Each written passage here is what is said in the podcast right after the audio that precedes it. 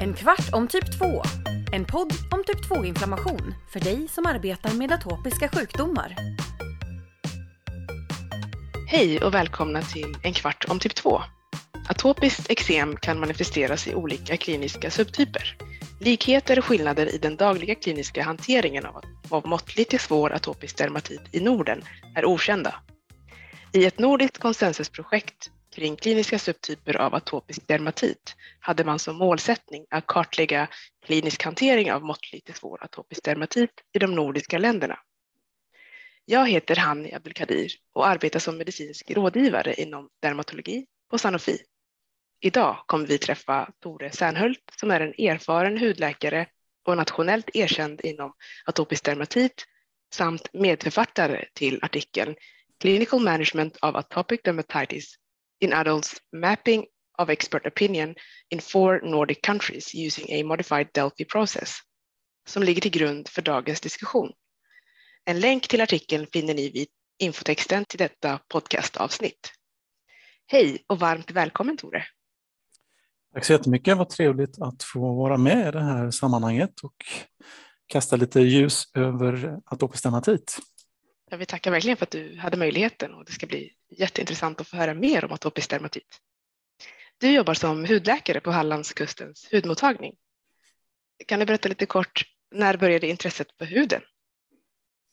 Jag tyckte nog att det var en rolig kurs redan under eh, läkarlinjen när jag utbildade mig.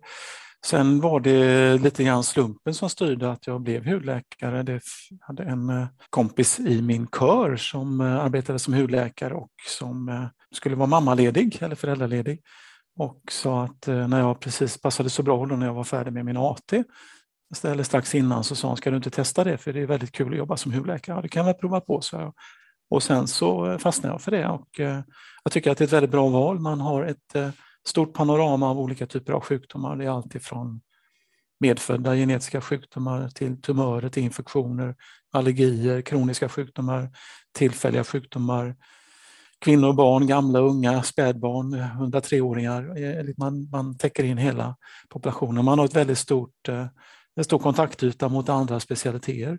Vissa extra mycket, men, men i stort sett mot väldigt många andra specialiteter, discipliner inom medicinen som gör det väldigt intressant också att samarbeta kring olika sjukdomar. Ja, det är ett, ett brett spektrum som du nämner här. Eh, men om du kort kan nämna liksom, vad är egentligen atopiskt eksem eller atopisk dermatit som det också kallas? En sjukdom eh, som har bytt namn eh, genom åren kan man också konstatera. Den har eh, under många år, i alla fall när jag växte upp och när man började läsa läkarlinjen så pratar man ofta om böjväxteksem för att det har varit en kan vi säga, kännetecknande eller det som man har ofta letat efter att man har eksem just i armveck, knäveck eller under rumpan då, där, där benen möter rumpan. Och eh, idag så, ja, även redan då visste man ju att det fanns en koppling mellan eksem och de här allergiska sjukdomarna i luftvägarna som hösnuva, eh, astma och allergiska besvär i ögon. Men man har väl försökt att strama upp de här säga, lite gammaldags begreppen och kalla det för atopiskt eksem först idag säger man hellre dermatit. Och det är ju internationellt eh, kan man säga bestämt att det är så det heter. Eh, det är ju en sjukdom som eh, ofta startar väldigt tidigt i livet, men man ska inte tro att den alltid försvinner, utan även i vuxen ålder är det ganska stor andel av populationen. Man kan nog se det som en folksjukdom. Räknar man psoriasis och ledsjukdomar som folksjukdomar så bör man nog definitivt göra det med atopisk dermatit också. Och då är det så spännande att den här sjukdomen förändrar ju sitt utseende, dels över tid, så att om man tar den typiska utseendet av eksemet hos det spädbarnet är inte likadan som hos det lite äldre barnet och i vuxen ålder så kan det manifestera eller uttrycka sig på många olika sätt. Eh, och det kan också vara en blandning förstås mellan de här, du nämnde de här fenotyperna, eller de här typerna som utvecklas och som kan finnas eh, som man har försökt att kartlägga. Och som det är i många andra sjukdomstillstånd eller andra diagnoser så kan det förekomma en typ av blandning också, eller en överlappning mellan de här manifestationerna. Men de är väldigt viktiga att känna till på det sättet att man har möjligheten idag att hitta atopisk dermatit som en diagnos och kunna jobba vidare med rätt behandling för patienterna. Kan du nämna lite kort hur det här påverkar den kliniska hanteringen av de här patienterna? Du nämnde att det finns olika subtyper. Och man brukar ju, eller brukar, det här är ju ganska nytt, att man har letat upp och det är lite grann ett parallellfenomen till att vi har vant oss att leta upp olika subtyper av, av sjukdomen eller diagnosen psoriasis som är ganska välbekanta idag och som, som har stora konsekvenser för att välja en riktad eller individualiserad behandling som är bäst för, för respektive patient. Riktigt så långt har vi nog inte kommit än, men, men eh, man brukar prata om då sex olika subtyper. Man kan säga att den, de två lite klassiska hos de vuxna patienterna som vi ser ofta är det som man kallar för head and neck. Atopisk dermatit, att man har mycket besvär från halsen och uppåt, inklusive ögonlock, ansikte, och hårbotten och hörselgångar. Och det andra som jag tycker är väldigt viktigt att förstå och känna till det är det atopiska handeksemet. De har lite olika ingångar de här varianterna som eh, gör att, att man dels kan behöva utreda på olika sätt och dels behöva hantera behandlingen på olika sätt. Man har möjligheter att kunna plussa på en behandling som hjälper respektive grupp bättre eh, än den andra. Eh, det är till exempel problematiskt förstås att, att erbjuda ljusbehandling för hårbottenbesvär eller hörselgångsbesvär medan det kan vara ett bra alternativ för händerna. Det finns speciella läkemedel som är, har godkänd indikation som det heter, användningsområde speciellt effektivt mot atopiskt handeksem eller, eller den här typen av handeksem som förekommer vid atopisk dermatit. Och sen hittar man ju då eh, den klassiska böjväxteksemet hos vuxna, det är ytterligare en, en variant. Man hittar en, en ofta sent debuterande sjukdomsbild där man får sådana här intensivt svårt kliande, riktiga svullna knölar i huden, mest på armar och ben, men ibland spritt över, över stora delar av kroppen.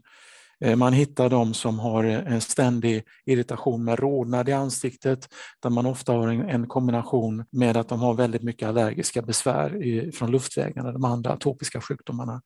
Vilket inom parentes förekommer ju, om man nu har hudläkarperspektivet, någonstans mellan 60 och 70 procent att man har andra atopiska besvär. Men vi hittar ju också patienter som så att säga bara har eksem, och det är inte så bara, men där man inte hittar de andra sjukdomarna. Idag pratar man väldigt mycket om precisionsmedicin eh, i många andra terapiområden. Och du var ju lite inne på det här med att atopiskt eksem är en heterogen sjukdom. Hur ser du på individualiserad behandling för de här patienterna? Tycker du att, vi, att det har kommit en god bit idag? Ja, man kan säga så här att det här är själva diskussionen att, att fatta beslut i samråd med patienterna om, om behandling som, som på olika sätt passar patienten bäst och som samtidigt kan medföra störst chans att bli läkt i sin sjukdom eller så bra som möjligt. Den har kommit väldigt långt rent allmänt bland oss dermatologer. Det har utvecklats väldigt mycket och det tycker jag är jätteviktigt om man tittar på patientens eh, behov och patientens önskemål när det gäller sin behandling.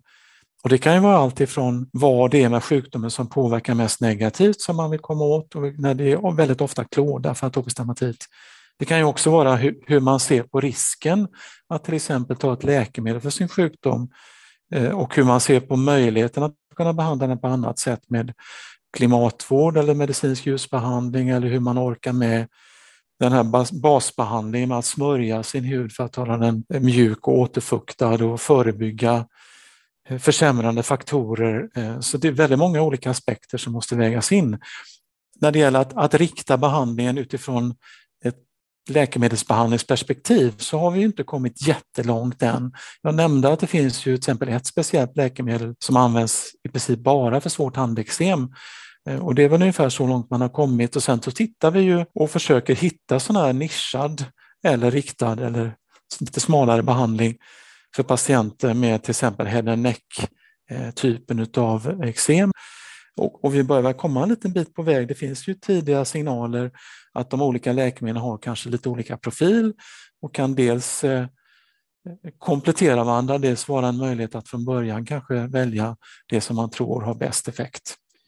Återigen, jag har svårt att inte dra paralleller till psoriasissjukdomen för där har vi också lärt oss ganska mycket om vilka läkemedel som kan fungera mer eller mindre bra vid olika varianter av psoriasissjukdom. vi hoppas ju att nå minst lika långt när det gäller behandling av atopisk dermatit. Om vi återgår till artikeln, det här nordiska konsensusprojektet. Om du kort kan nämna var, varför behövdes det här arbetet och eh, vad kom ni fram till? Det fanns ju ett, ett, ett hopp kan man säga, en förväntan att man skulle kunna hitta en, en, en samsyn över de nordiska länderna på dels hur man definierar de olika formerna av atopisk dermatit, dels hur man handlägger patienter med utredning eh, innan man så småningom väljer en behandling och att man även där har en likartad process för att behandla patienterna. Det visar sig att det finns ganska skiljande traditioner och sätt att se på det här. Det finns skiljaktigheter i hur eh, vården är organiserad och uppbyggd vad gäller ersättning och eh, vem som gör vad eh, från primärvård, specialist inom hudsjukdomar, specialist inom lungsjukdomar, allergologi och så vidare i de olika länderna. Eh, så att vi kommer väl egentligen mest fram till att vi har en gemensam syn på att sjukdomen behöver hanteras på bästa sätt, men att vi gör olika. Det är väl egentligen det korta svaret på det. Eh, och vi har inte säga, gått in i detalj på det här vad patientens eh, resa genom, genom sjukvården kan innebära. Men det är också väldigt viktigt att, att eh, primärvården och specialister inom andra, andra områden känner till att det finns så mycket mera kunskap idag som, som kan hjälpa patienterna och att vi idag har inte mindre än fem godkända läkemedel som för fyra år sedan inte fanns alls. Moderna, effektiva, säkra läkemedel för att kunna behandla patienter. Det är ett, ett, en jättefin utveckling. Man får backa ända till för 40 år sedan för att hitta det läkemedel som då var nytt och som egentligen är det enda av de äldre läkemedel som formellt har godkänd indikation användningsområde för att behandla atopisk dermatit. Så plötsligt så fick man den här berömda ketchup-effekten att det är massa ny kunskap, massa nya behandlingsmöjligheter för patienterna. Det är jättekul för patienterna att det finns många alternativ. Mm. Och bra att du kommer in på läkemedel. Eh, utan att nämna några specifika behandlingar så tänkte jag bara fråga dig, vilka konsekvenser har dessa subtyper för kliniker eh, när det gäller val av behandlingar? Då? Det finns ju jättestora möjligheter idag att vara både bred och smal och riktad och individualiserad i sin behandling för patienterna. Men det kräver väldigt mycket kan säga, arbete för att sätta sig in i de här skillnaderna och förstå de här läkemedlen och känna till möjligheter och risker och eh, vad man kan erbjuda patienten och hur man kan gå vidare när det inte fungerar och i en framtid kanske också kombinera olika av de här läkemedlen för att hitta den bästa effekten för patienterna. Det är mycket som händer på fältet helt enkelt. Ja, det är helt fascinerande. Jag, jag är superglad att det är så bra. Mm. Och vad är dina tips till läkare som behandlar patienter med atopiskt eksem? Nej, men det man kan sammanfatta ganska kort. Glöm inte basbehandlingen. Den leder långt. Eh, utbilda patient och familj sätt av tid, engagera teamet, koppla in sköterska och undersköterska som är jätteduktiga på det här med grundläggande behandling. Informera patienten och se till att de själva uppdaterar sin kunskap och vet att de kan vara delaktiga och fatta beslut om behandlingen. Tänk på att det finns vissa sådana här finurliga saker som man inte ska glömma, till exempel utreda misstänkt kontaktallergi, särskilt för handeksem och eksem i ansiktet tycker jag det är 100 procent alltid ska testas för misstänkt kontaktallergi. Eh, tänk på triggande faktorer, både yttre och inre i miljön, Eh, vad gäller infektioner i huden, vad gäller både svamp och bakterier, och vad gäller det här med stress och den påverkan. Jätteviktigt ja, det, de sakerna får man inte missa tycker jag. Och sen då försöka vara påläst själv och ge inte upp. Eh, när man har startat, kommit så långt med en patient att man erbjuder ljusbehandling och eller läkemedelsbehandling, då tycker jag då har man ett, om inte nedskrivet så ändå ett outtalat kontrakt att, att nu ska vi se till att få dig riktigt bra. Så att ge inte upp. Ändra dosering, intervall, byt medicin, fundera på att kombinera med utvärtes med ljusbehandling, se till att det blir riktigt bra till slut. Det ska nästan alltid kunna gå. Viktiga tips för att förbättra vården för patienter mm. med, med atopiskt eksem. Tore, stort mm. tack för dagens intressanta samtal. Vi skulle kunna fortsätta ett tag till, men vi har en podcast som heter En kvart om typ 2, så här får vi nog avrunda.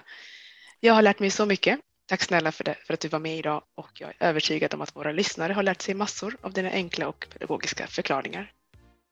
Tack så mycket själv, det har varit väldigt trevligt att få vara med. Se till att prenumerera på vår podcast så du får notiser när nya avsnitt blir klara. Tack snälla för att ni lyssnade in och vi hörs snart igen. Du har lyssnat på En kvart om typ 2, en podd om typ 2-inflammation som produceras av Sanofi